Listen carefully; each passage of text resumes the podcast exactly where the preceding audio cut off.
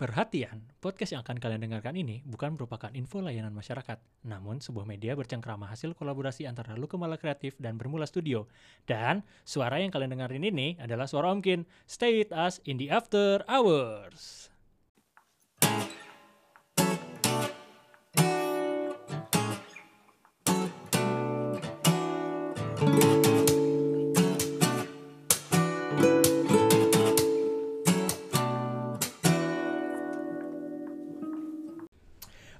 Alright, welcome back to After Hours. Ya, ini um, episode terakhir dari season pertama. Insya Allah season pertama dan ini insya Allah episode terakhir. Assalamualaikum warahmatullahi wabarakatuh. Para brand, weh, tau nggak nih brand apa nih brand? Singkatan nih brand. Mungkin Apa kasih pendengar-pendengar uh, After Hours brands. Brand. Brand, brand friends. Hello Brands. Halo brand, Brands. brand. Kalau di Sunda ada brand, brand. Iya. kemarin kemarin gue pikir kita sepakatnya Wibs. Iya, Wibs. Halo Wibs. Kenapa nggak looks? Hai looks. Iya iya. iya. Ya ya ya ya ya. Oke, ini Brand masih friends. masih masih brand masih para brand-brand mungkin masih bersama para co-founder co-founder lu Kemala, kece-kece. Misu baru potong rambut. Pastinya. Iya dong. Habis kurban potong rambut. Nih, Iya, dikit, apa hubungannya sih?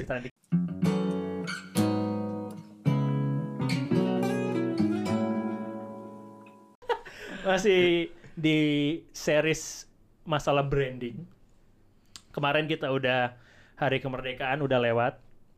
Kita udah merasa merdeka harusnya. Meskipun di episode kemarin kita ngerasanya masih belum 4.0 ya. Iya, masih tanah air beta. Masih tanah air beta.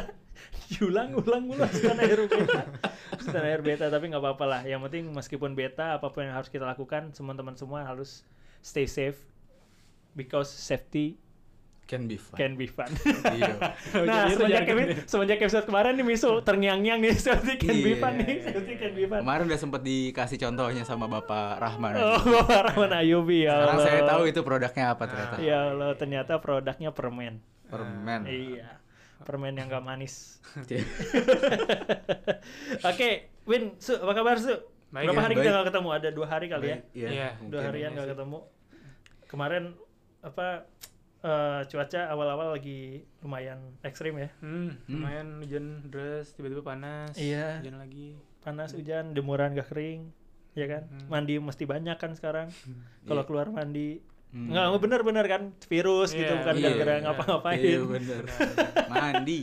Mandi. Siap nih ya. Gue mau Iya. nanya-nanya lagi nih buat series terakhir, episode terakhir di series kita nih After Hours. Hmm. Eh, kita udah beberapa gue gue gue recap dulu ya kita udah ngomongin apa sih branding di awal ya kan di episode pertama kita ngomongin branding itu seperti apa udah Hmm. banyak lu berdua kasih contoh si branding branding itu seperti apa terus kemudian di basic basic lu mau nge-branding sebuah desain brandingnya seperti apa ya kan? Hmm. guideline guideline-nya ya kan? Terus kemarin paling baru kita ngebahas copyright yang agak nanggung nih gue pengen lebih dalam lagi nih pembahasannya nih. Mungkin nanti ada ada sesi khusus copywriting bukan copyright ya tapi copywriting Oh, bedanya apa tuh? nggak tahu pro- pronunciation gue gue kurang gue se British British gitu why you like W W R I T E sama R I G H T. R G R I G H T ya Kita yang right, yang tulis. kita yang nulis Iya. bukan yang kanan ya Iya. kopi kanan. nah sekarang nih, sekarang udah bilang nge-branding, branding, branding, branding. Siapa yang yang pegang branding kalau di perusahaan? Bilang kan. Oh itu tuh bagian marketing. Hmm. Nah Ya, ya. today kita bakal ngomongin marketing itu apa sih? Oh, Oke. marketing Nih. 101 berarti. Oh iya, Iya, berat nih kayaknya nih. Berat. iya kayak orang-orang kemarin kan gue pernah ngomong ada contoh misalkan ah Kin usaha lu di brandingin dong gitu. Di brandingin dong. Udah udah gue brandingin. Wah marketingnya kurang bagus nih. Wah Hmm. bacot anjir emang orang-orang. Cuma bisa komentar doang emang gitu murid-murid tetangga emang. Iya iya iya. Gue sekarang kita ngomongin marketing. Hmm. what is marketing exactly? Marketing itu apa? Marketing. market market Market, pasar. Pasar Ing. ing, melakukan Kata kerja. kata Oke. kerja gitu. Berarti tindakan untuk memasarkan sebuah produk oke atau jasa ya secara umum kayak gitu. Cuma gini, eh Lukemala itu kan kita sebagai kreatif studio yang fokus di branding. Yo. Dan branding itu adalah salah satu komponen aja di dalam marketing. Tapi marketingnya itu sendiri kan luas banget ya, macam-macam. Yes. Ada sampai ke analyticsnya, Yes. ada eh, search engine optimization, Yes. digital marketing segala Ya, macam. ya, ya. Sekarang digital marketing dulu kayak konvensional marketing ya. Iya. Iya, ah. Nah, jadi kalau untuk ngomongin hal-hal yang lebih ke arah teknis, mungkin itu bukan expertise-nya lu Kemala. Kita Oke. lebih narik ke ranah desain di dalam Oke. marketing Oke. gitu. Gimana, Win? Karena branding itu sebuah tool sebetulnya untuk memasarkan memasarkan juga. Jadi kayak ibarat eh, senjata itu ada pelurunya lah Oke. kayak gitu. Jadi jadi eh, emang nggak bisa lepas antara branding sama marketing. Cuma kayak tadi Misu bilang, branding eh, sebagian atau part dari marketing itu sendiri. Oke, wait wait. Hmm. Kalau bedanya apa periklanan apa? Advertising. Ih, enggak bahasa doang menurut gua. Periklanan iklan itu lebih ke apa yang lo eh, hasil akhirnya, hasil akhir yang akan lo sebarin ke audiens. Oke. Eh, medianya bisa dari di TV, di YouTube, di eh, website segala macam Lah. bentuknya iklan. Nah. Sementara kalau eh, marketing, marketing itu lebih besarnya lagi. Iya. Dia marketing itu nggak ngomongin soal Outputnya. Eh, eh, nggak ngomongin Oh, outputnya. Polanya, lebih ke pola kalau lebih ke marketing. pola dan ke sistemnya Sistem. gitu. Oke, berarti branding ada di dalam marketing. Branding ya, Bisa dia- dibilang dia. Bisa bilang gitu kan? dari marketing. Berarti si marketing ini top of triangle-nya lah. Ya nggak sih? Eh, mungkin bisa juga terpisah tapi kerja kerjanya bisa selalu tandem sama marketing. Hmm. Gitu. Jadi mungkin brandingnya ada di divisi kreatif mungkin ya. Oke. Iya. Tapi nanti dia selalu outputnya harus dari brief dari orang marketing, Oke, oke, oke. Nih, satu lagi nih yang gue bingung. Bedanya mas sales apa? sales. Wah ini ini, ini. Nah, itu itu orang-orang suka ketukar marketing, Iya, iya. ada advertising, ada, ada sales, sales. Iya. gitu ya. Kalau sales itu kita mikirin berapa banyak orang yang beli produk kita. Oke, Siapa aja yang udah beli, harganya berapa, ada diskon atau enggak. oke. Jadi benar-benar langsung ke eh, end user. End user-nya. Sementara kalau advertising itu dia mikirin gimana caranya orang mau beli, tapi Oke. soal orangnya beli atau enggak itu urusan sales Oke. gitu. Copywriting masuk di advertising berarti. Dia bisa ada di advertising, bisa bisa masuk ke eh, branding, Branding. keseluruhannya. Oke. Oh, Gitu. iya iya iya yang ngerti ngerti. kalau misalkan kayak tagline gitu Iya, dia ada iya. di brandingnya. Ya, ya, Tapi ya. kalau misalkan nulis caption untuk iklan oh, itu gitu, di ya itu Ah, maksudnya ke advertising. Ya, ya, ya. gitu. Oh, rumit juga. Lumayan sih ya, tapi itu istilah-istilah aja sih yang mungkin tiap perusahaan punya definisinya sendiri-sendiri kali. Iya ya. Iya, iya iya iya. Iya, makanya gue kadang suka bingung gitu kalau misalkan lihat perusahaan ada divisi sales gak, bag- gak masuk ke marketing tapi masuk ke operational Hmm. Iya. gitu kan kalau orang-orang kayak gue mikirnya marketing ya hubungannya sama gimana lu ngejual lu produk gitu kan Hmm, Iya, gimana ngejualnya bukan lo jualannya kan? iya Iya, nah Gitu. itu Ketika lo jadi sales, yang lo lakuin, yang lo lupa, lakuin kan? kan lo jualan, Nah. lo ngomong, lo eh, apa istilahnya tuh akuisisi gitu Iya, iya, kan? user acquisition ya Heeh. Itu sales. Itu Tapi kalau marketing dia mikirin ke strateginya, Strategicalnya grand, grand berarti kan? strateginya gitu. Jadi kan Iya. banyak divisi sebutannya markom nih. nah communication marketing kan. komuni- komunikasi ko- komedi Oh, bisa juga sih komedi. Iya, iya, boleh, boleh, boleh. Iya, marketing komedi lu ya iya berarti. iya gue pernah gue pernah jadi markom Iya, anjing marketing komedi nih, tahu gue. Tahu dia track recordnya orangnya.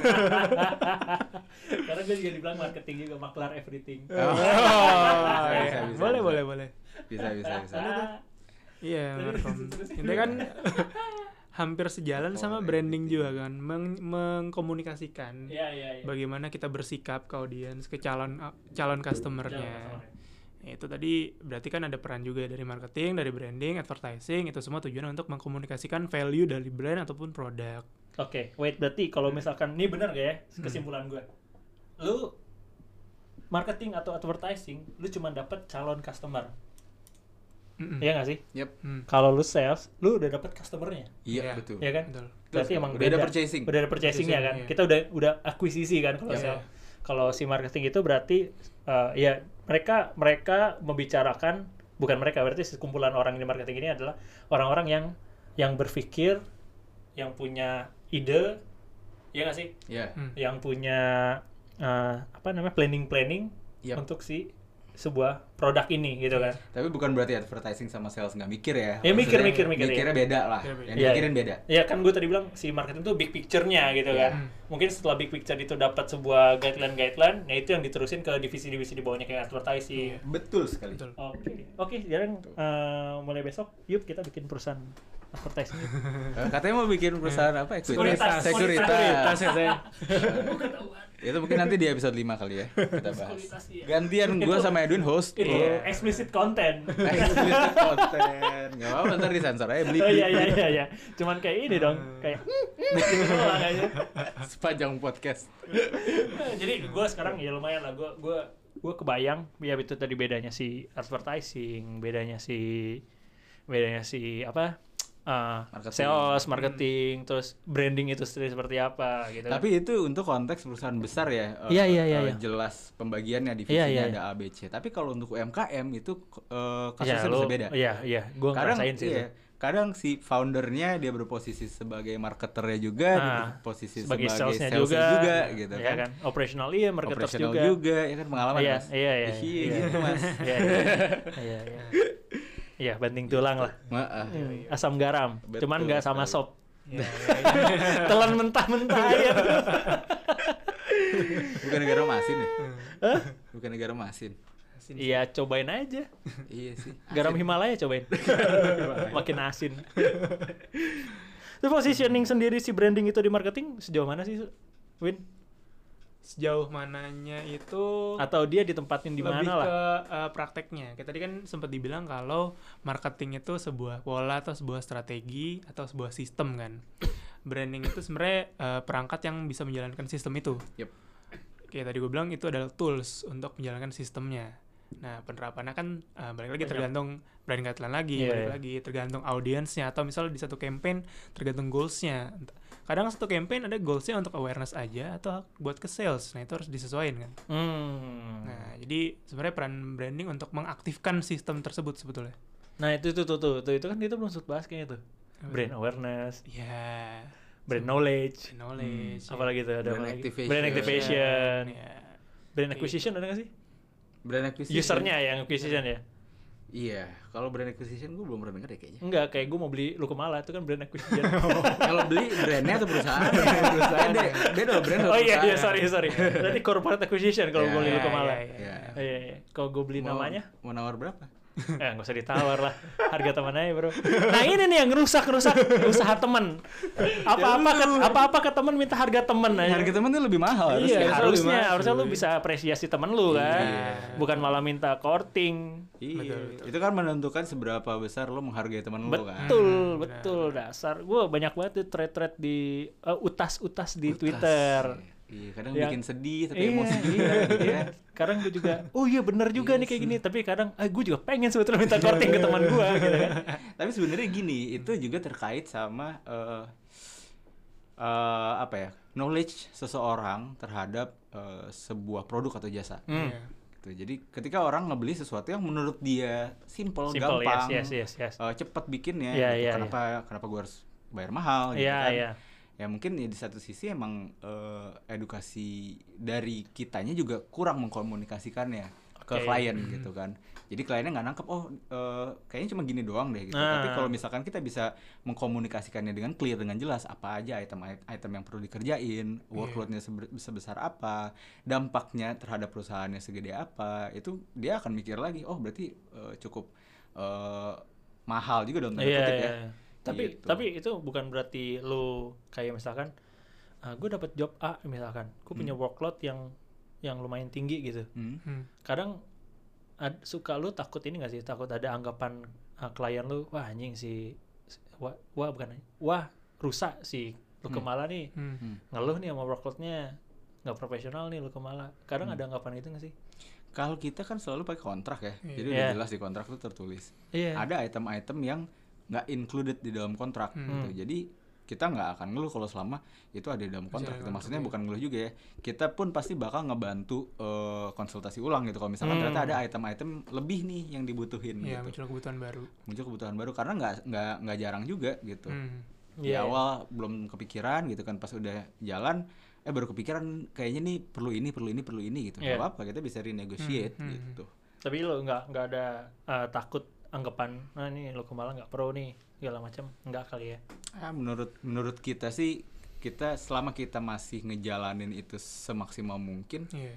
ya nggak masalah kalau orang mau nganggap kurang ya berarti kita eh, ada yang perlu kita perbaiki gitu Iya iya. Berarti kan gue gue denger dari kata lu nih, su bukan denger denger dari cerita lu tadi. Sebenarnya eh, si branding ini juga salah satu apa ya eh, key point juga kan di marketing sebetulnya kan. Iya. Jadi key point kan karena ya lu tadi bilang misalkan gua kita punya kontrak lu kemala bla bla bla. Tapi di tengah jalan ternyata ada yang harus kita eh, tambah gitu misalkan harus Hmm. kita lebih baiki segala macam lebih perbaiki. Hmm. Berarti kan sebetulnya si branding sendiri kalau dari awal kan kita ngebahas branding nih. Hmm. Terus sekarang kita bahas marketing. Sebenarnya cukup jadi apa ya? Ini anak emas juga nih si branding di marketing nih. Iya yang sempat gue bilang tadi si brand ini bisa menjalankan sistem marketingnya sebetulnya. Karena sebenarnya memasarkan pun bisa dengan banyak tools ya. ya. Nah itu kan eh, pertimbangannya banyak. Kita memposisikan diri seperti apa, menyampaikannya seperti apa, Oke. bagaimana kita pengen orang nerima pesan kita itu kan harus dipikirkan sebetulnya. kan. Iya. Agar ya tadi sesuai goalsnya. Kalau Oke. eh, nanti bentukannya tuh bisa macam-macam. Eh, mungkin balik ke yang episode kemarin ada soft selling, ada hard selling itu kan Hmm. bagian dari branding juga sebetulnya. Iya, iya. Branding, eh, bagaimana kita menyampaikan itu bagian dari branding dan kesatuan sistem marketing. Gitu. Tadi lu sempat sempat nyebutin tuh. Hmm. Nah, gue jadi ingat gue dulu pernah gue waktu bikin Dejima, gue pernah bikin yang namanya STP, apa tuh segmenting, targeting. target- oh, TPD iya. Iya. STPD. Oh, STPD betul. STPD. STPD tar- targeting, targeting, positioning, positioning, sama di- diferensiasi. diferensiasi. Nah, itu kan tadi kalau nggak salah nangkap gua, lu nyebut itu tuh Win, Hmm. ya kan? Hmm. Nah itu apa sih sebetulnya tuh segmenting itu? Ya emang emang gue tahu segmenting segmen gimana kita mau mau apa ya? Kita mau eh, spesifik Iya. kita mau jual ke siapa sih gitu kan? Hmm, benar. Ataupun kita sedang misalkan produk gua oh dulu episode satu gue bilang gue mau jual telur kecap misalkan. Iya. Nah kan target gue siapa gitu Iya, kan? betul. Segmen gue misalkan eh, orang sekitar kah, mahasiswa kah gitu, Hmm. itu gitu nggak sih sebetulnya? Iya. Dan ya gimana cara kita bisa ngedefine itu dengan baik? Terus gua sih pribadi gimana lu bisa ngasih masukan ke gua? Jadi kan ibaratnya nggak usah bayar lu ke malah. tuh harga tuh harga gini nih cuman gini nih Iya, Itu kan iya, gua bilang iya. apa? Model- Gua bilang apa? ketahuan. modelnya yang begini nih Ketahuan. Anjir ketahuan yup. Yup ketahuan. Ah, sih Eh, itu. buat buat itu saudara sepersecuan Telur ke eh, lada kecap omkin. Telur omkin kecap. iya denger denger mau bikin merek susu nih Hmm, Omkin sama bapak produser enggak, enggak susu. oh bukan ya Enggak susu tuh terlalu oh beda ya beda oh ya udah nanti aja nanti dibahas ya eh, episode Oke. 6 berarti tadi episode 5 ngebahas apa Ah, sekuritas tadi. kan. Sekuritas. dulu, episode Iya. 6 kita bahas bahas susu. susu Oke, nah sumbernya yang bersusu ya. Iya, Iya. iya. siapa ya Sapi. sapi Iya. Iya, Oh. kang- Kangguru. Eh, gitu-gitu dong ntar gue jawabnya. Eh, Tell me buat STP, Win, Su. STPD, STPD bukan IPDN ya. IP. STPDN, STPDN. Jauh, jauh. Oh, iya, STPDN. Ya, jadi segmenting, segmenting itu ibaratnya lu eh, punya kue, lu potong-potong jadi beberapa bagian. Nah, bag- bagian-bagian itu segmen. Oke. Kenapa lu perlu bagi segmen? Karena eh, lu punya kapasitas eh, operasional dan kemampuan lu untuk jualan itu terbatas. Oh yes. Kalau lu punya duit dan manpower unlimited ya lu bisa aja ambil semua segmen di seluruh dunia gitu kan. Tapi kan eh, jadinya Tapi nggak efektif nggak sih kayak gitu? Iya, jadinya Iya nggak kan? efektif. Nah, Pasti akan kebagi-bagi iya gitu iya kan iya. Itu dibanding pertimbangan ya. ah, dibanding dengan resource yang sama tapi lu fokus ke satu segmen aja gitu. Iya iya iya. Segmen ini bisa macam-macam, bisa eh, mulai dari demografi, bisa dari Purchasing tempat power. tinggal misalkan, bisa Hmm. bisa dari purchasing power, bisa dari eh, behavior eh, konsumen mereka Oke. gitu kan, macam-macam lah. Intinya eh, produk apa yang mau lo jual, lo lihat mana yang paling butuh gitu. Iya iya. Nah dari segmen itu kita masuk ke targeting. Di dalam segmen ini ada banyak lagi komponennya gitu kan. Iya iya. Komponen mana yang mau ditarget?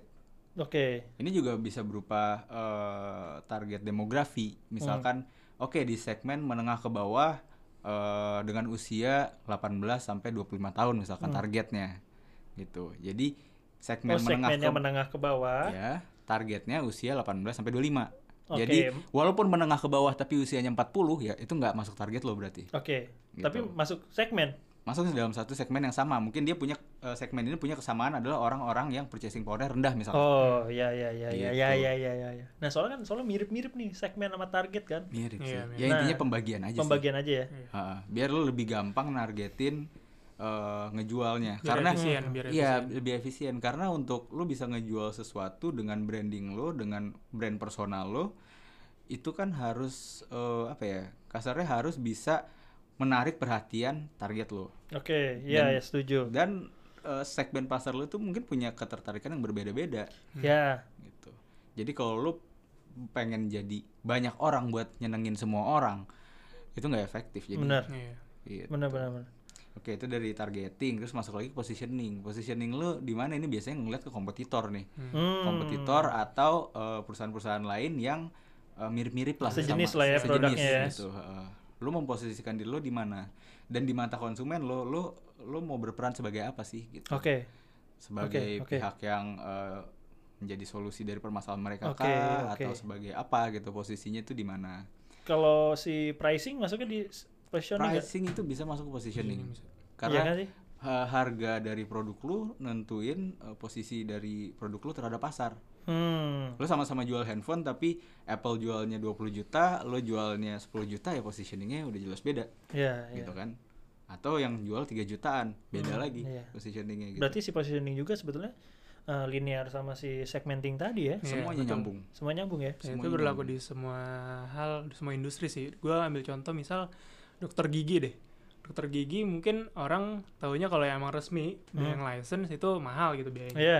Akhirnya muncullah ahli gigi Hmm. yang Iya di iya pinggir iya. jalan gitu. Ahli kan. gigi dong, ahli Iya, gurah kan? lu tuh. Ya, itu tetap tetap laku gitu loh. Maksudnya biarpun uh, sebenarnya belum license dan beresiko, tapi tetap laku karena ada segmennya yang Ada membutuhkan segmennya. itu. Iya iya iya. Di situ. Jadi orang-orang yang nggak bisa nggak bisa afford ke dokter, Dokter. beneran Iya, kan? iya, makanya iya, iya. larinya ke ahli gitu. Ahli, Berarti iya. ahli mikrobiologi itu bukan beneran ahli. Bukan kan? ahli, bisa jadi bukan. bisa, jadi- bisa jadi bukan. Bisa jadi bukan. Kita tidak boleh menjudge orang Iya. sembarangan.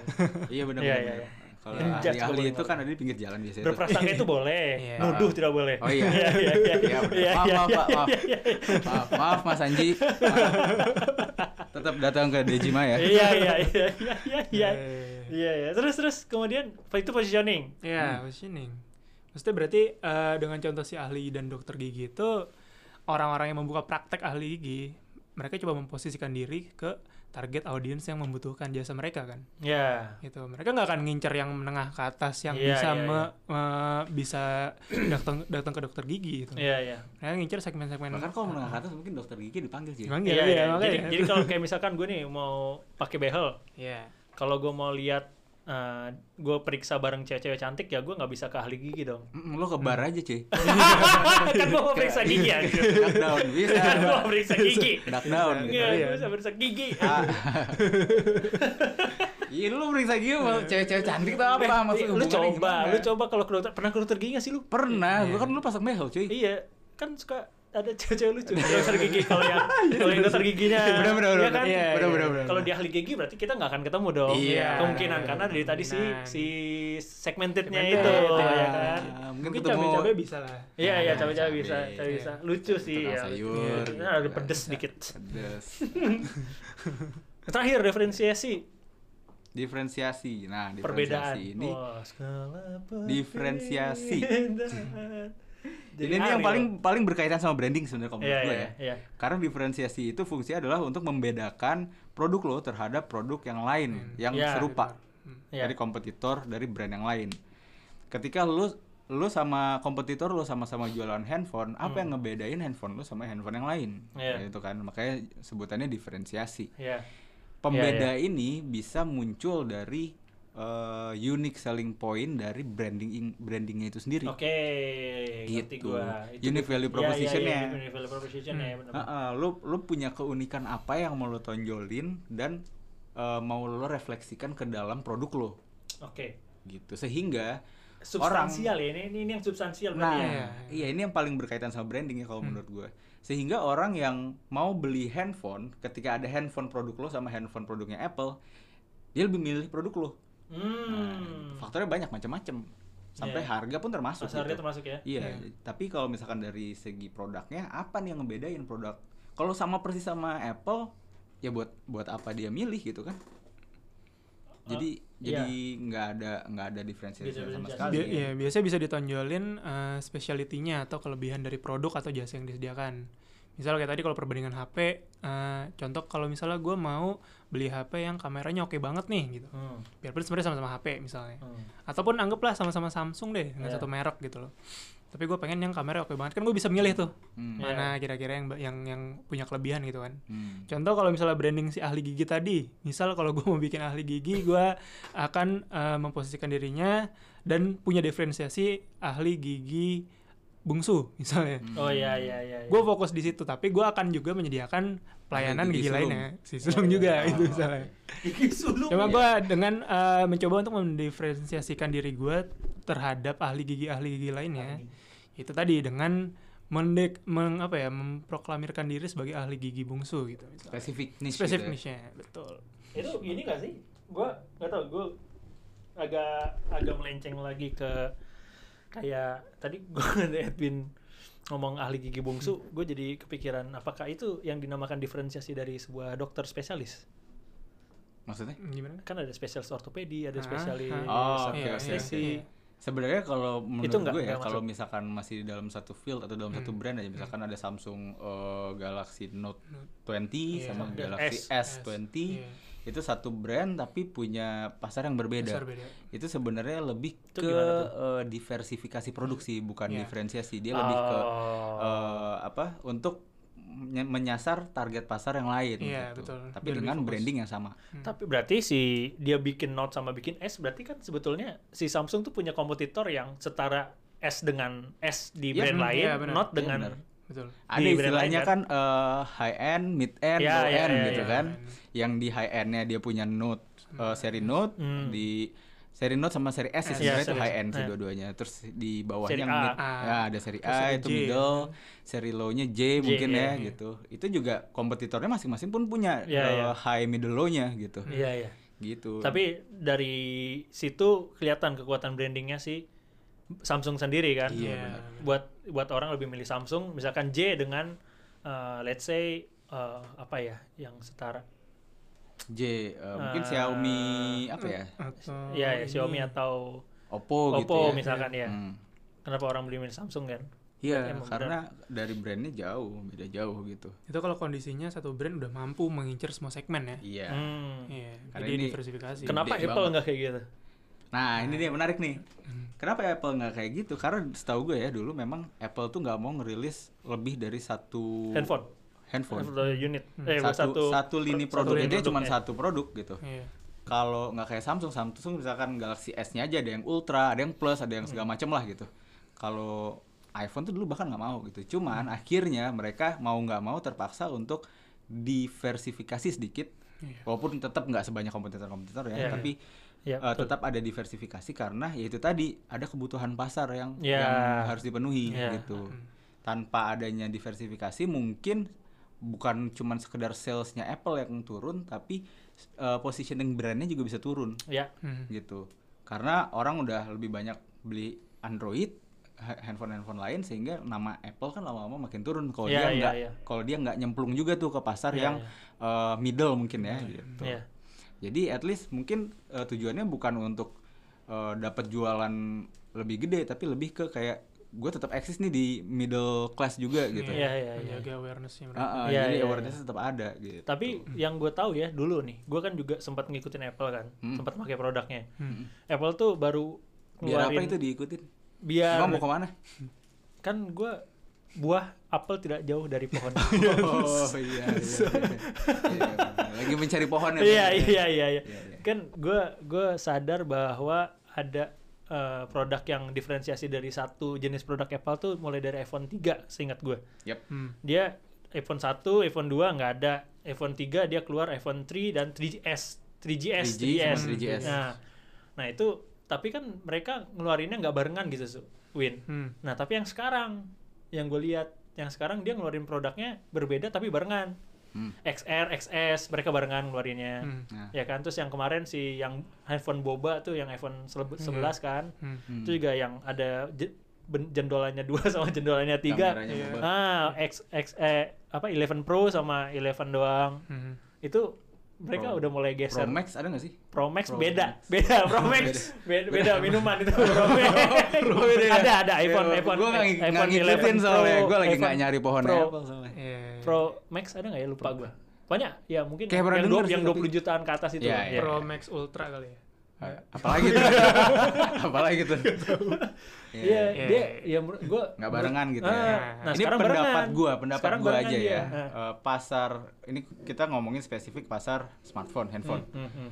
Menurut gua ada ada sebuah perubahan di mana eh, apa ya mungkin istilahnya maturasi pasar ya Eh, bukan saturasi tapi mat- matu- Maturasi. Ah, ah, Pendewasaan. pendewasaan pendewasaan pasar di mana zaman dulu gua SD handphone gue itu Nokia 3210 kalau nggak salah Hmm. Dan kalau lo ngeliat handphone-handphone lain tuh bentuknya nggak ada yang sama Ya, beda semua ya, mulai dari ukuran eh, ketebalan Ya, ya, ada ya. yang lipat ada yang Ya, enggak ya, segala ya. macem bahkan yang lipat juga aneh-aneh deh pokoknya ya, ya. beda-beda tombolnya beda-beda nah hmm. makin ke sini makin ke sini makin makin seragam kan bentuknya Ya. ya makin kotak udah kaca depannya bahkan Iya, kaca ada iya, kamera, ada gitu kamera, kan iya, iya. Eh, lebih pembedanya tuh lebih banyak di spek sama software aja gitu. Ya. tapi secara bentuk ya udah sama semua Iya. menurut gue itu karena pasarnya udah dewasa Hmm. manufacturernya udah mempelajari kalau eh, ini nih bentuk yang paling efisien, ini Hmm. nih bentuk yang paling efektif Iya, iya. gitu. Jadi ya mereka nggak akan bikin yang aneh-aneh lagi gitu Hmm. kecuali ada teknologi baru Iya, iya. yang sekarang lagi di riset juga kayak kemarin Samsung bikin Galaxy Fold yang bisa Iya, dilipat gitu iya, kan. iya. Dilipat tuh bukan cuman kayak flip phone tapi layarnya yang kelipat Layar gitu. lipat, iya, iya. Nah, itu mungkin nanti masa depannya ke arah sana mungkin ya. Tapi untuk sekarang kita lagi memang di masih stagnan nih karena udah udah dewasa terus nggak tahu lagi arahnya mau ke mana. Iya. Jadi yang jadi satu-satunya faktor pembeda adalah pertama dari layanannya, softwarenya dan segala macamnya, ekosistemnya. Kedua dari branding positioningnya mereka. Gitu. Ya jadi maksud gue apakah si Apple ini sekarang dia meninggalkan si diferensiasi bagian itunya tapi ya kan di bagian dia sekali ngeluarin produk langsung tiga gitu. Hmm. Kalau Karena dulu iya. kan satu-satu Hmm, mereka benar, benar. Gue ngeliatnya bukan meninggalkan sih lebih beradaptasi sih kayaknya. adaptasi. Beradaptasi sama marketnya mereka juga gitu. Hmm. Ini bahasanya keren, adaptasi. bukan abandoning tapi adaptation. adapting, adapting bukan abandon. iya, adaptasi sih. Iya, Makanya iya. adaptasi dari pasar yang udah dewasa tadi. Iya. gitu. Bukan gara-gara nggak ada Steve Jobs. Hmm, mungkin. Bisa jadi. tapi tapi uh, which is good lah buat buat Iya. Apple karena Hmm. pasti mereka kalah. Iya kalau menurut gua pasar Asia nggak bisa di guide sama Apple sih kalau Iya. mereka nggak ngikutin Benar, di benar. sini kan. Hmm, Iya. benar. Pasti kalah sama sekarang produk-produk dari Tiongkok udah Gila. bisa bisa bisa inilah bisa bersaing lah Hmm, Bisa terutama dari bersaing. harga kan. dari harga dari harga apalagi apalagi uh, dengan umur umur si smartphone ini kan teknologi cepat banget berkembangnya Hmm, benar. kayak lu sayang kalau gua mikirnya nggak tahu ya kayak gue sayang aja misalkan gue beli HP 1 20 juta tapi bulan tahun depan let's say 6 bulan lagi keluar produk baru yang harganya sama sedangkan kalau Iya. misalkan gue jual jadi turun jadi 15 juta segala Iya, macam kan iya. Benar. itu jadi ya good lah buat buat Apple dan perusahaan-perusahaan smartphone yang lain Hmm, itu mencerminkan perbedaan segmentasi pasar, perbedaan target pasar Ya. gitu kan karena behavior orang di sana beda. beda juga sama yang sini Iya, gitu iya. kan. Ya itu Iya. makanya harus ada adaptasi. Iya. Nah, itu yang gue tunggu sekarang Apple kalau bisa ada trade in di Indonesia. Oh iya. iya. Karena Samsung nih baru ada Samsung nih kan Iya, di iya, Indonesia kan bisa trade in. Benar, Itu Ini ada slot buat Samsung ya? ada, ada, ada. Kebetulan kita eh, ini ada pakai video recording. Oh iya. Video recording pakai Xiaomi. Nah, Xiaomi juga boleh. Ini Xiaomi-nya paling baru lagi yang bisa keluar kameranya dari atas, nggak nempel di layar. Ingat ya, kamera nggak nempel di layar, Iya, keluar. Iya. Iya, Xiaomi, poco-poco. eh, hubungin email kita aja. Iya, ya, lu, lu di- kemala at, eh, di lu kemala after hours at gmail.com. Oke, Iya. siap. Buat semuanya juga. Mm. Itu kita dari tadi ngomongin perusahaan besar nih, Su. Iya. Gue punya gue punya problem, bukan punya problem ya. Gue punya kekhawatiran buat di Indonesia sendiri sekarang yang lagi masih beta Hmm. itu adalah UMKM itu bisa nggak sih nerapin atau bahkan knowledge yang seperti itu tuh sebetulnya perlu nggak sih dari level UMKM? Dan teman-teman gue sekarang juga banyak banget yang dia jualan dari rumah karena dia WFA, mereka Iya. punya banyak waktu, ya udah gue bisa masak uh, spaghetti let's say atau gue bisa masak apa gitu gue jualin Telur cake, cake kecap. telur Kecap, kecap ya. gitu kan gue Iya. jual-jualin Hmm. apakah perlu sampai sedetil itu dan bagaimana ini pertanyaan retorika bagaimana kita sebagai UMKM itu bisa bersaing Oke. Kalau soal detail apa enggaknya mungkin menurut gue bisa bertahap. Tapi eh, ke fundamental awalnya, misal dia udah eh, paham atau sadarnya dulu sih, aware-nya dulu tentang tentang brand, tentang marketing, tentang segmentasi tadi, tentang positioning. Iya, iya. Menurut gue tuh penting sih. Eh, even itu baru mulai, baru mau start ya. Karena biarpun gue gue juga ngeliat sih industri, misal gue spesifikin industri kuliner rumahan deh Iya. sekarang tuh menjamur banget kan Iya, orang iya. udah sejak orang lama di rumah terus eh, mulai usaha sendiri bikin usaha sendiri berdasarkan ke keahlian dia atau hobinya dia Iya, kira iya. masak nah cuma kan itu udah mulai banyak misal gua ngeliat udah banyak banget nih teman gue buka PO jual Ya, mentai gitu iya, misalnya jual mentai. hampir semua jual mentai nah itu kan butuh berarti yang tadi diferensiasi diferensiasi positioning dan lain-lain Iya. gitu loh gimana caranya mentai yang gua jual beda sama yang lu jual gitu. Iya. Biar beda M-nya diganti H aja cuy. Mentai. mentai ya kan diganti Oh, bukan iya. ditambah Iya. substitute bukan adding Benar-benar tahu. iya ya kayak gitu sih Iya. jadi Iya. eh, yang yang asik tuh e-nya diganti a Me Mantai. Oh, iya, benar. Benar-benar. di pantai ada pelabuhan pelabuhan itu Deji Mas. Oh. Bridging-nya keren juga ya. Di kompleks perhutani ya. Iya, Jalan Cirebon nomor 4, Bandung. Bandung. Iya. Iya, iya. iya. Ya terus Win. Iya, Gua iya. potong mulu anjing. Menurut gue tuh hal yang bisa diupayakan juga sih. Dan eh, apa ya? Kalau misalnya nih ini dari dari gue sendiri sih. Misalnya kalau Hmm. gue mau belanja ataupun mau beli apa lah online gitu, online online purchasing. Biasanya gue yang pertama gue lihat kan nih fotonya kredibel apa enggak nih, fotonya Ya. jelas apa enggak gitu-gitu. Dari sesimpel foto atau visualisasi dari produknya aja itu bisa menentukan gue bakal beli apa enggak gitu loh. Iya. Itu kan berarti bisa terjadi juga di orang-orang lain kan dari gue nggak di nggak di nggak di gue doang gitu. Betul. Kayak hal kayak gitu mungkin bisa jadi behavior yang bisa dipelajari dan juga bisa disikapi gitu loh oleh orang-orang yang baru mulai bisnis rumahan ini. Gitu. Betul sekali. Sesimpel menyediakan foto atau visual dari produknya yang memadai atau yang layak lah gitu. Ya. Kita mau ngiklan Hivalta juga nggak? itu itu punchline saya di Fanta. Kamu ambil. saya, saya udah mau iya. Iya nih kapan aja beres ngomong nih. Gue mau masuk. Jadi Biar kelihatan kerja dikit gua. episode 5 gue jadi host Iya, yang gue tahu, yang gue tahu lu Ah. kemala lu lu kemarin uh, nge-launch nge-launch sebuah lini bisnis Hmm. samping uh, side side side lini bisnis lah ya. sub brand. Sub- Subbrand. Oh, namanya Iya. Subbrand. Oh ya, sorry itu Subbrand. nama brand Subbrand Hivalta. Ya, Hivalta. Hivalta yang yang gue lihat memang lu fokusnya si Hivalta ini foto produk gitu kan Iya. buat rumahan itu kan. Betul, fokusnya Buat Hivalta kayak- ini ngebantu eh, para koki rumahan untuk bisa memasarkan produknya lebih baik lagi. Oke. Itu tadi Foto produknya eh, spesifik makanan ya. spesies makanan. Minuman? F&B lah pokoknya. F&B. Lu, Itu. lu nyari-nyari kesalahan aja. Minuman gak Lu boleh. punchline gue lu ambil tadi. Bahas dendam. Iya, Iya iya iya. Iya, gitu sih. Ya itulah. Iya, tapi itu kan bagian dari ini kan, maksudnya lu sebagai eh, kreatif studio, Hmm. itu kan, Hmm. ada apa ya maksudnya? Gue mau sedikit kita sedikit muji, yuk, bisik sedikit. Seba- Jangan sedikit lah. Oh iya, banyak banyak ya, banyak Iya. ya. Jadi lupa gue mau apa. sedikit banyak lu mau kon- kontribusi lah, bantu Iya. kontribusi ke UMKM ini kan. Benar, benar. Bahkan gue rasa teman-teman terdekat lu juga pada banyak yang jualan kan, Iya, Win kanan betul. kiri lu kan, Betul, betul. Su, gitu kan. Kanan lu juga ada yang mau jualan nih. Iya, Edwin ya. Kanan lu, Win. Oh, Bapak produser. Produser. Iya, produser Bapak mungkin produser. sekuritas. Sekuritas. Dia produk, Ditunggu di episode 5. tapi produknya bisa dipoto. Sorry, karena secure. Iya, iya. Secure sekali ya. iya, iya, secure sekali, secure sekali. Ah. Tapi itu bisa si Hivalta ini Hmm. ah, bisa ngebantu nggak sih Win? Sebetulnya efektif nggak menurut lo selama berjalan Hivalta nih berapa bulan? Dua so bulan ya? far dua setengah bulan, Dua jalan tiga bulan, ya? lah. Jalan tiga Iya. bulan ya. Feedbacknya sih itu jus, eh, jujur di luar ekspektasi kita sih sebetulnya. Iya. Ternyata animonya cukup tinggi dan Berarti banyak banget orang. banyak banyak banget. sampai ngantri Waduh. Biasanya eh, kita udah nargetin maksimal slot sehari gitu ya. Alhamdulillah full, alhamdulillah full. Jadi kadang ada yang eh, minta slot baru bisa difoto atau dieksekusi minggu depannya kayak gitu. Hmm, hmm, hmm, hmm. Karena kita emang di awal ini Iya. eh, masih masih menerapkan sistem pricing yang sangat terjangkau loh untuk untuk para UMKM gitu loh. Karena Iya. emang tujuan awalnya kan gitu. Kita Iya. coba ngebantu orang-orang yang sebenarnya gua dah dua tiga ja- du- tiga bulan jalan ini gue makin ngerasa kalau koki rumahan tuh makanannya gokil-gokil banget cuy. Nah, Produknya keren-keren sokil shop. banget. Iya. Iya. Nah, itu sayang kalau nggak kalau kalau nggak diekspos lebih lebih baik itu sayang banget sebetulnya.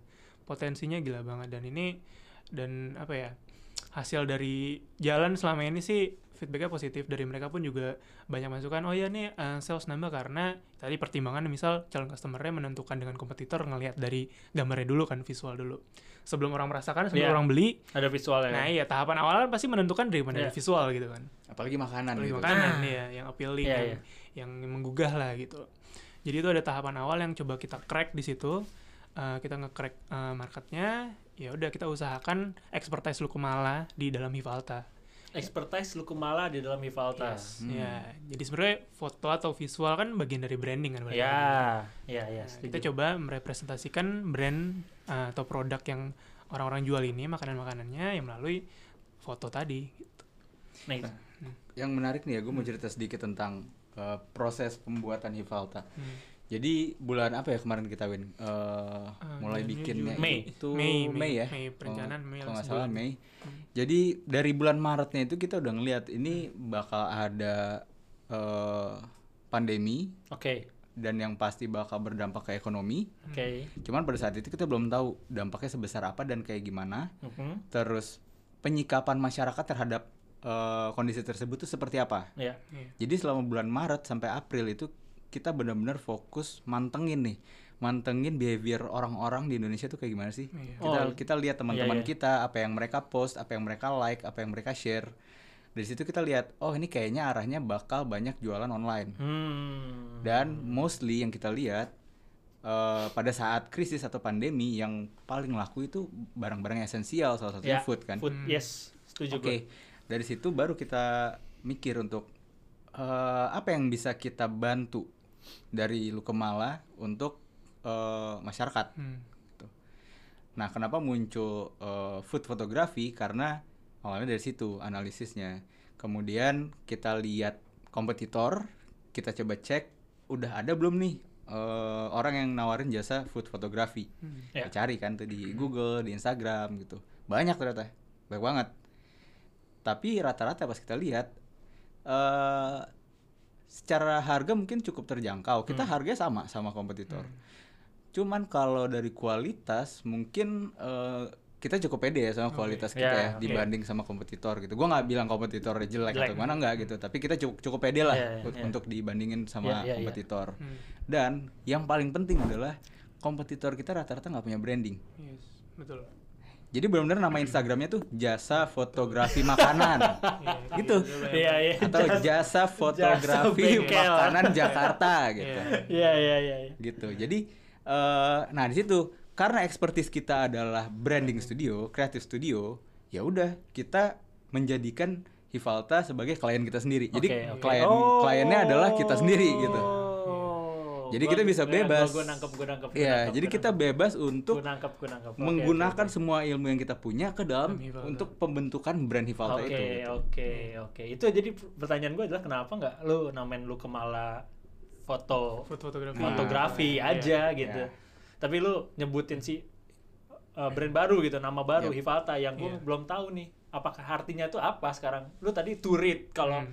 Kalau lu Kemala, kalau Hivalta Bahasa Finlandia, Finlandia juga juga. Hmm. Hivalta. sama Hivalta bak, itu gitu ya. sebenarnya dari kata Naita Hivalta artinya looking good. Nah, kalau Hivaltanya aja itu sebenarnya good. Good. Hmm. gitu. Jadi intinya yang mau kita sampaikan adalah good looking. Good Oke. looking tadi. Good point. Itu bagian dari copywriting juga ya. Iya Iya. benar gitu. Yang good looking ini merupakan tahap awal ketika orang seleksi eh, mau beli makanan gitu loh. Oke, jadi jadi iya, filter iya. awal gitu kan. Iya, iya, iya. Dia akan ngelihat menunya, ngelihat Esensial fotonya, banget. ba- apakah menggugah selera, apakah merepresentasikan rasanya, Esensial kayak banget. ya. gitu. Kan semuanya terekam ke panca indera kan. Nah, Iya, coba- iya. Kita coba eh, Itu kan yang manfaatin yang di gue pengen nanti katalog doang jadi gue jualan katalog.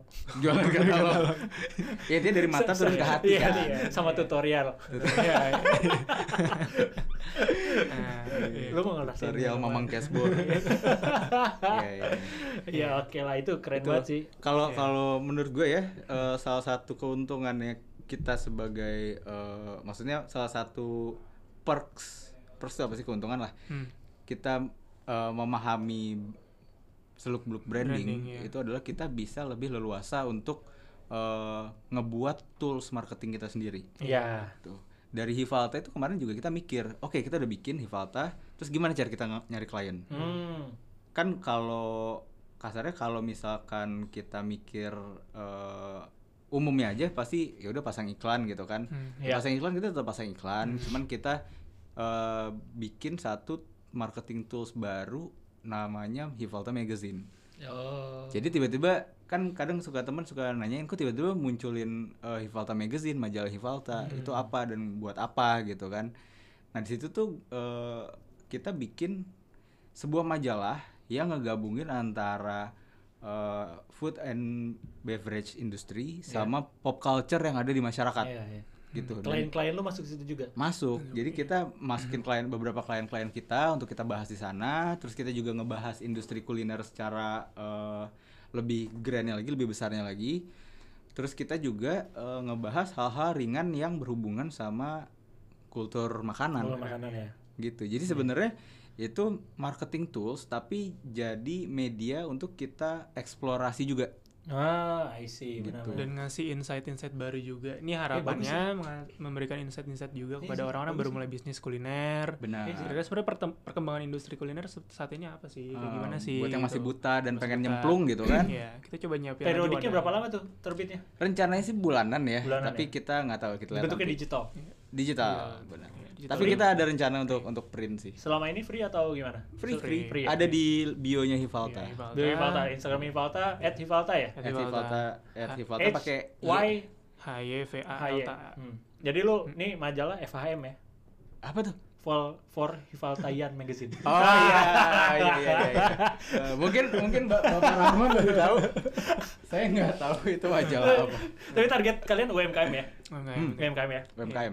Karena emang itu dia positioning kita, kita kasih eh, harga setara dengan kompetitor, tapi kita berusaha ngasih value yang lebih. Oke. Dan tujuannya Cakep. adalah untuk Cakep, ngebantu mempermudah teman-teman yang mau usaha jualan makanan online eh, bisa lebih gampang jualannya. Hmm. Nah, Gitu. kalau kalau gue nanya balik lagi itu kan sebagian dari uh, konten yang dibuat lah ya Hmm. si si Hivalta ini Hmm. salah satu konten yang dibuat untuk uh, nambahin si misalkan jualan Instagram segala macam. Hmm. Tapi misalkan ada yang nanya nih, uh, Win Su Hivalta bisa nggak bantuin gue buat uh, ngerucutin targeting? Nggak bisa itu lu kemala ya. Iya. Iya. Iya benar. Itu expertise lebih ke lo ke mana sih. Bawah. Makanya tujuannya dipisahin brand tadi sub brand karena Oh, biar karena fokus ke fokus, iya, iya, audiens. Karena memang audiensnya beda, targetnya beda, Bisnis model industri juga modelnya beda. industrinya beda, workflow-nya beda, semuanya beda sih. Eh, Iya. Cuman karena kita ya manpowernya cuma segini-segini aja, jadi Iya. kita Iya, pegang iya. dulu dua-duanya gitu. Iya. Kalau dulu Kemala kan biarpun ada juga visual production kayak foto dan video, itu lebih ke yang tadi branding, Branding ya. branding, entah untuk bikin Oh, campaign, untuk iya, bikin iya. company Fokusnya profile. ke sana ya. Fokusnya ke sana. Untuk bikin iklan. Untuk bikin iklan, fokusnya ke situ yang selama ini dijalanin. Dan biarpun ya manpowernya juga sama, tapi kalau bisnis modelnya beda, keputusan kita sih akan bisa brand. Makanya kemarin muncul Oke. Hivalta dari situ. Biar kita bisa lebih fokus di eh yaudah nih di industri kuliner, kita fokus di situ. Kalau di si eh, Lukemalanya masih bisa lebih luas gitu loh. Jadi nggak nggak nggak terbatas di situ. Nah, nih, nih nih. Hmm. Mungkin jadi insight lu berdua juga, cuman ini iseng ngomongnya gue ya. Hmm. Iseng kepikiran tadi. Kan lu bicara tadi si lu kemal ini bagian sama branding kan. Hmm. Branding berarti ada yang tadi salah satu contohnya misalkan video iklan Hmm. atau foto atau foto Hmm. produk segala macam. Hmm. Lu bakal ada kepikiran gak sih lu kemala bakal jadi agency? Ya, definisi agency sebenarnya udah bisa diterapin juga sih di Sekarang? Lukemal, ya. Cuma eh, macam-macam banget sebenarnya kalau menurut pendapat gue ya Hmm. Eh, definisi agency itu kiblatnya ke mana yang disebut agensi di Indonesia ataupun yang kiblat di US kiblat di Eropa Hmm. Itu semuanya beda sih sebetulnya kalau di Di Indonesia Indonesia seperti apa? Kalau di Indonesia gue ngelihat agency atau agensi yang biasa di definisiin orang-orang itu kan untuk periklanan biasanya. Ya. untuk periklanan untuk pemasaran juga. Eh, ya sifatnya lebih ke marketing gitu loh. Itu kiblatnya lebih ke US ini kalau pemahaman gue. Tapi kalau kenapa dari awal aku malah nyebut diri sebagai creative studio? Itu kiblat kita sebenarnya lebih ke Eropa. Yang emang nge-build mulai dari ideation sampai Hmm. eksekusi gitu. Iya, iya, iya. Itu tuh ya biarpun bisa disebut juga agency menurut gue masalah penamaan aja sih Oh. Pelabelan Iya, aja. pelabelan aja. dan kita nggak terlalu permasalahin soal itu yang penting kita bisa kerja dengan efektif dan efisien gitu Iya. kan Iya. makanya kita nama juga ngambil dari Eropa Iya, iya, iya. Gua orang Eropa, by the way. iya rambutnya kuning sih iya. lihat Iya. Koneng, koneng. kelihatan kok mas Anjir. Terus lu ini terakhir deh, gue minta Nah, kita nutup episode ini oke iya. dengan sebuah pertanyaan. Hmm. kirain dengan sebuah nyanyian Oh jangan, oh belum, jangan ya. belum nanti berubah haluan podcastnya. iya iya iya Iya. Bukan pertanyaan sih, gue pengen pengen ada insight dikit aja. Hmm. Lo pernah ketemu gak UMKM yang dia udah menerapkan strategi marketing yang baik atau ada perbandingannya yang kurang baik seperti apa sih, Winsu? Hmm. Dejima tuh UMKM. masuk yang baik atau baik ya Wow. Bisa aja tuh. Itu kebetulan punya teman saya. coba coba coba Boleh, boleh, boleh, boleh, ceritain, ceritain, ceritain. Iya, iya. jangan Iya, jangan pakai contoh yang Jangan. lain. hmm eh gimana lo aja deh Win kalau gue ya? ntar bahasnya Dejima mulu ntar Iya, iya, iya. Banding. Kalau dia mah gue aja yang bahas. oke Iya, iya. siap Kalau pertanyaannya ada ada apa enggak yang udah menerapkan branding dan baik Branding, ada. nah, branding dan marketing dan baik. Ada, ada sih. Ada pernah lihat. Apa pun lah, nggak mesti UMKM Win. Banyak dong. Iya, Banyak ya, banyak ya? Iya, banyak lah. Dia benar-benar uh, sinkronisasi berarti kan. Iya, iya. Dari hulu ke hilirnya jelas, value-nya jelas, core value-nya tadi ya.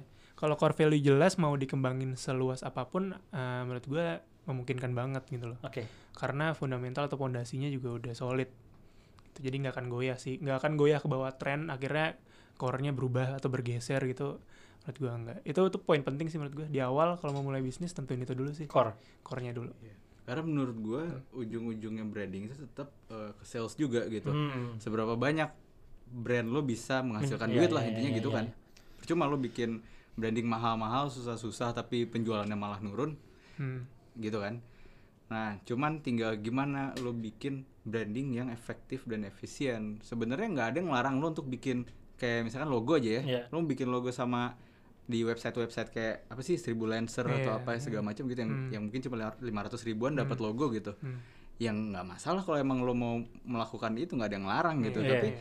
eh, apakah lo menghargai value brand lo hanya segitu gitu Nah, yang mungkin nanti ke depannya bisa jadi masalah misalkan Iya, iya. logonya yang ji- jiplak dari mana atau pakai Iya. template atau apa segala macam kan kita eh, nggak Iya. tahu juga gitu Iya kan tapi kalau mau pakai ya terserah gitu nggak ada yang Iya larang maksud juga gue kan itu kendala buat jadi yang UMKM su. Iya, masing-masing. Iya Iya, kan. betul. bener karena, Karena kan memang keterbatasan banyak. budget Iya, segala macam ya nggak masalah jangan malah jadi nggak mulai gitu maksudnya. Nah, itu mulai aja dulu. mulai aja dulu ya kan ya Tokopedia ada slot di sini Ya just do it aja. Iya. Aduh besok mau Nike. lari. Iya, iya. mau jadi selebgram. selebgram Soalnya kan ada ada ada pepatah bilang marketing terbaik adalah produk yang baik gitu loh. Hmm. Oh. Benar, lo mau fokus mau segila apa pun lo bakar duit di marketing kalau produk lo Nah, itu tuh tuh. nggak fit atau Betul. misalnya nggak nggak tepat guna gitu ya Iya, iya, sampai iya. bohong sih menurut gue. Ya, betul jualan itu hal yang gampang yang susah itu deliverynya Delivery. ya. Delivernya. Iya, jadi Delivery. ketika lu jualan orang pada beli nih, tapi pas udah nyampe di tangan konsumen ternyata kon- kualitasnya nggak bagus, Hmm. eh, rasanya nggak enak, jelek segala macem. Ya udah besok-besok nggak akan beli lagi. nggak ada repetisi. Iya, nggak ada repeat order Iya. gitu. One dan wonder ya. ah, dan mematikan calon potensial buyer lainnya karena dia pasti cerita ke Oh, iya, orang-orang. mulut mulut ke mulut yang jahat ya, mulut ya. tetangga itu yang jahat ya. Benar. Ih, nggak enak di situ, di situ, ih nggak enak. Iya, bener. makanya buat teman-teman yang mau usaha paling hati-hati sama kualitas produk. Less produk. Ya. gitu itu nomor satu karena salah satu uh, prinsip yang lu kemarin pegang juga aset terbesar kami adalah happy client iya. Ah, Klien yang senang. Iya iya iya. gitu karena klien yang senang akan Iya iya iya. ya kan Banyak ininya ya. Si efek dominonya banyak efek ya. dominonya Betul, banyak efek dominonya dan banyak. ketika klien nggak seneng pun efek dominonya banyak Iya. Ya. Jadi harus hati-hati di Ya, situ. Jadi client satisfaction adalah salah satu kunci yang harus dipegang oleh lu kepala. Yap. Yep. Eh, Mungkin semuanya, sih Semuanya, ya. iya. Contohnya lu kepala di sini, semuanya Iya. kayak ya udah berarti teman-teman yang yang lagi punya usaha ingat gitu kan. Lu lu usaha boleh, lu jualan boleh. Tapi jangan ya kalau kalau bisa sih gua ngasih saran iyalah siapa sih gua ngasih saran. gua ngasih saran dari dari obrolan sama teman-teman kece gua adalah jangan lupa produk lu seperti apa. Iya. Produk lu gimana, terus uh, bagaimana lu ngehargain apa pembeli lu lah, klien lu, ya kan? Hmm. misalkan eh, lu susah dihubungin ada yang mau beli tapi gimana segala macam lu bahasanya nggak enak gitu Iya. dalam menjawab itu bagian salah satu apa ya paket eh, marketing yang harus teman-teman basic lah yang teman-teman bisa punya lah buat UMKM ini Hmm. gitu tapi tetap aja kalau misalkan mau bantuan foto bisa ke Hivalta Oh, iya. kalau bi- buat buat adlibs adlibs bisa ke Omkin After sendiri maksudnya. podcast, After Hour Podcast bersedia. Sekarang, sekarang sih kayaknya masih free ya, masih free. asal pelut kenyang. Iya. asal pelut kenyang. Nah, paling aduh kayak gacot, gak gak gak gak ini ya, kurang ya, kayak cuma satu season kayak perlu ada season tambahan ya. Kita coba kita doain aja kita bisa bikin season kedua dan ketiga, keempat, kelima buat Hmm. tetap ngasih apa ya insight-insight yang eh, dikemasnya kayak bercanda tapi kalau lu dengerin kalian dengerin bener-bener ya Emang di, bercanda. dikit sih dikit sih adanya gitu kan ya dikit sih adanya cuman enggak lah, kita kita oh kita ini kalau orang yang ya bisa bisa bisa kalian dengerin lah sedikit demi sedikit seenggaknya basic lah kita bukan orang yang superior kita bukan orang yang hebat banget bukan kita juga masih belajar dari obrolan-obrolan ini juga mungkin belajar mungkin Misu sama Edwin juga ada pembelajaran Betul. baru Iya. Setuju. Nah, gitu. Jangan lupa di masa-masa pandemi ini yang kita belum tahu akhirnya kapan, teman-teman tetap jaga kesehatan lah. Jaga Iya. kesehatan, jaga apa yang boleh dipegang dan apa yang tidak boleh dipegang. gitu. Iya, iya. Benar, jaga kesehatan dan paling penting adalah bagaimana uh, secara rohani dan secara mental kalian juga harus sehat. Iya. Karena boleh jujur di rumah aja juga bosan, ya. Keluar kita takut, iya gitu kan. Hmm. Dan bagaimana kita bisa produktif di rumah, bisa senang di rumah. Benar nggak, Su, Win? Betul Bapak sekali. produser gimana? Apa? Iya setuju, setuju. Kok suara mana masuk sih? ngedumel lagi ya. Gua ngedumel lagi. Kok suara lu masuk sih? Gitu ya, pokoknya jaga kesehatan teman-teman. Semoga kita bisa ketemu di episode selanjutnya. Terakhir dari Omkin adalah untuk episode ini adalah oh, telu, selamat Merdeka Indonesia. 75 tahun, semoga kita bisa jadi bangsa yang lebih baik lagi. Berikan aku 10 pemuda, maka akan kuguncang dunia. Dan di sini udah ada empat pemuda, ayo enam Benar, pemuda lagi yang mau join, semoga kita guncangkan dunia. Selama ini mungkin kita baru guncang globe aja dulu ya. Dunia aslinya belum ya. Iya, Ya, belum. Doain cepet-cepet aja. Ya. Iya. Nah, gue punya contoh nih buat teman-teman. Bagaimana marketing dan copyright yang sangat baik untuk sebuah produk, Hmm. yaitu adalah pemanis, gula, gula yang sehat, gula aren. Karena dia gula Arnott, bukan gula ya. See you next time, After Hours.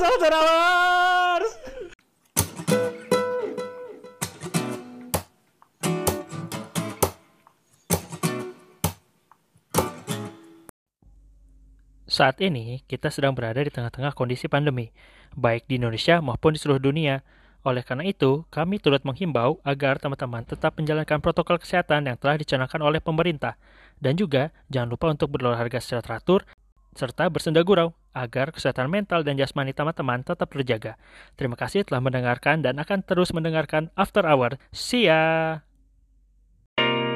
Mula Kreasi Koneksi Edukasi